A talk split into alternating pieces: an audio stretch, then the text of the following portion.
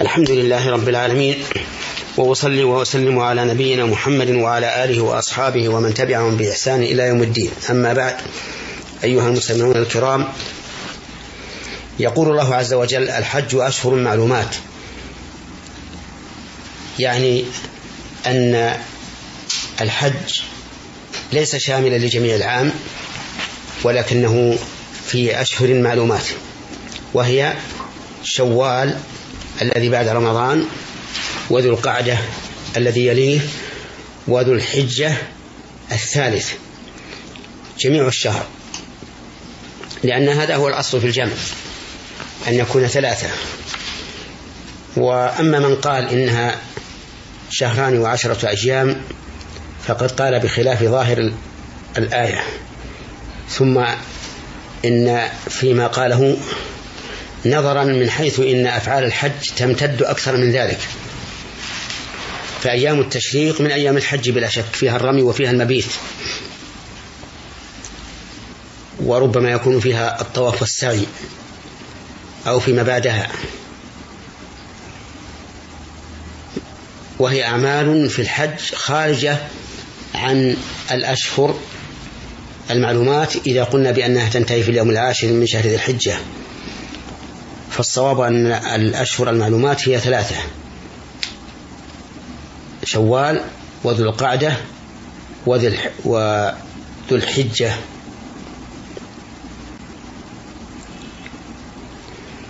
ولكن هل هذه الأشهر كلها يفعل فيها الحج؟ أو يفعل في شيء معين منها؟ الجواب بالثاني. لأن أفعال الحج لا تفعل في كل الشهور الثلاثة. فإن منها ما هو مقيد بأيام معلومة من هذه الأشهر الثلاثة. أما الإحرام بالحج نعم يمكن أن يحرم الإنسان بالحج من أول يوم من شوال. والإحرام لا شك أنه فعل من أفعال الحج. يقول عز وجل أشهر معلومات. أي معلومات معلومات عند الناس. لأن الناس لم يزالوا يعلمون أن هذه الأشهر هي أشهر الحج. فمن فرض فيهن الحج فلا رفث ولا فسوق ولا جدال في الحج. من فرض فيهن أي أوجب الحج. وذلك بالإحرام. فإن الإنسان إذا أحرم بالحج أو بالعمرة فقد أوجب على نفسه الحج والعمرة ولهذا كان إتمام الحج والعمرة واجبا على من شرع فيه على من شرع فيهن فيهما ولو كانتا نفلا كما سبق. فلا رفث ولا فسوق ولا جدال. لا في هذه الجمل الثلاث نافية. لكنه نفي بمعنى النهي أي فلا يرفث. ولا يفسق ولا يجادل. والرفث الجماع وما, وما يتعلق به. والفسوق الخروج عن الطاعة بترك واجب أو فعل محرم. والجدال المماراة. وخص منها الدليل ما كان جدالا لإثبات الحق وإبطال الباطل فإن ذلك لا يضر.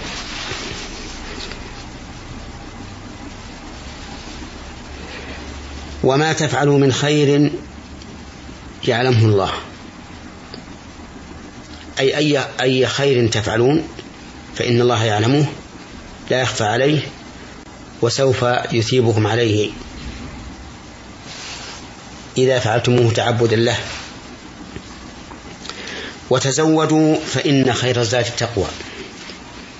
تزودوا أي افعلوا ما يكون لكم زادا.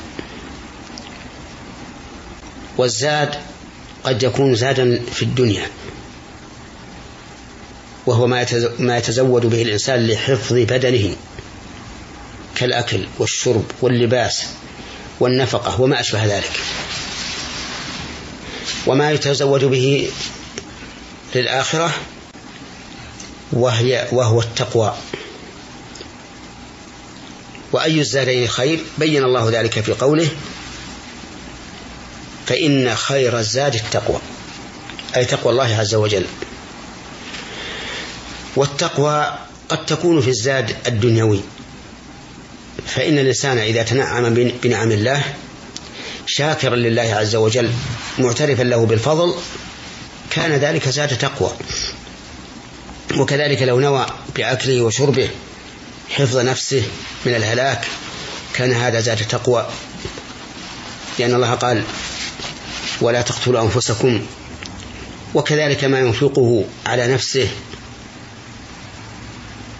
من نفقات أخرى إذا نوى بذلك امتثال أمر الله كان من التقوى. وكأن الله تعالى يشير إلى أن الإنسان ينبغي له أن يستحضر بأن جميع ما يتزود به يستعين به على طاعة الله حتى يكون من التقوى. واتقون يا أولي الألباب. أمر الله تعالى أن نتقيه ثم وجه الخطاب لأولي الألباب أي لأولي العقول لأنهم هم الذين يقدرون التقوى قدرها ويعرفون أهميتها. أما أهل الغفلة والسهو والسفه فإنهم لا يقدرون للتقوى قدرها ولهذا وجه الخطاب أي خطاب الأمر بالتقوى إلى أولي الألباب. في هذه الآية الكريمة عدة فوائد. منها أن الحج أشهر معلومات.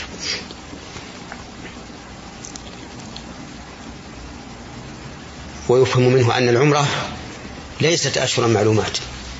ولهذا كانت العمرة تجود في كل وقت. في هذه الأشهر الثلاثة التي هي أشهر الحج وفي غيرها. بل إن النبي صلى الله عليه وعلى آله وسلم قال عمرة في رمضان تعدل حجة وبهذه المناسبة أود أن أبين أن العمرة في رمضان تعدل حجة أجر عظيم بلا شك. ولكن إذا كان هناك أعمال صالحة أفضل من ذلك فصرف الأموال فيها أولى وأحرى. كما لو احتاج المسلمون إلى المال لمجاعة شديدة أو لأمراض فتاكة تحتاج إلى علاج أو إلى قتال الكفار فإن بذل الأموال في ذلك أفضل من عمرة في رمضان. وكذلك إذا ترتب على هذه العمرة إضاعة الأهل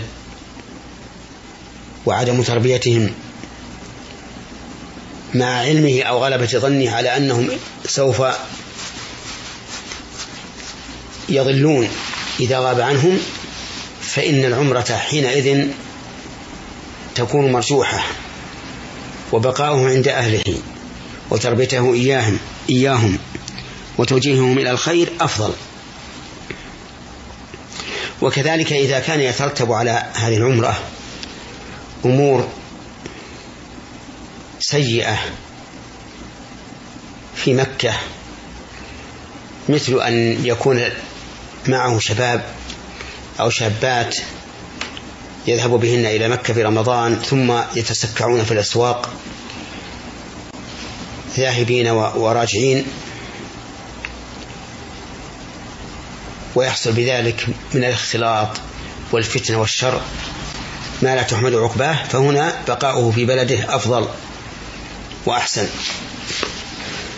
والمهم أنه يجب على الإنسان آه، المقارنة بين الفوائد والمضار والمصالح والمنافع. فإن الشيء قد يكون فاضلا ويكون المفضول خيرا منه لأمور أخرى وأسباب أخرى.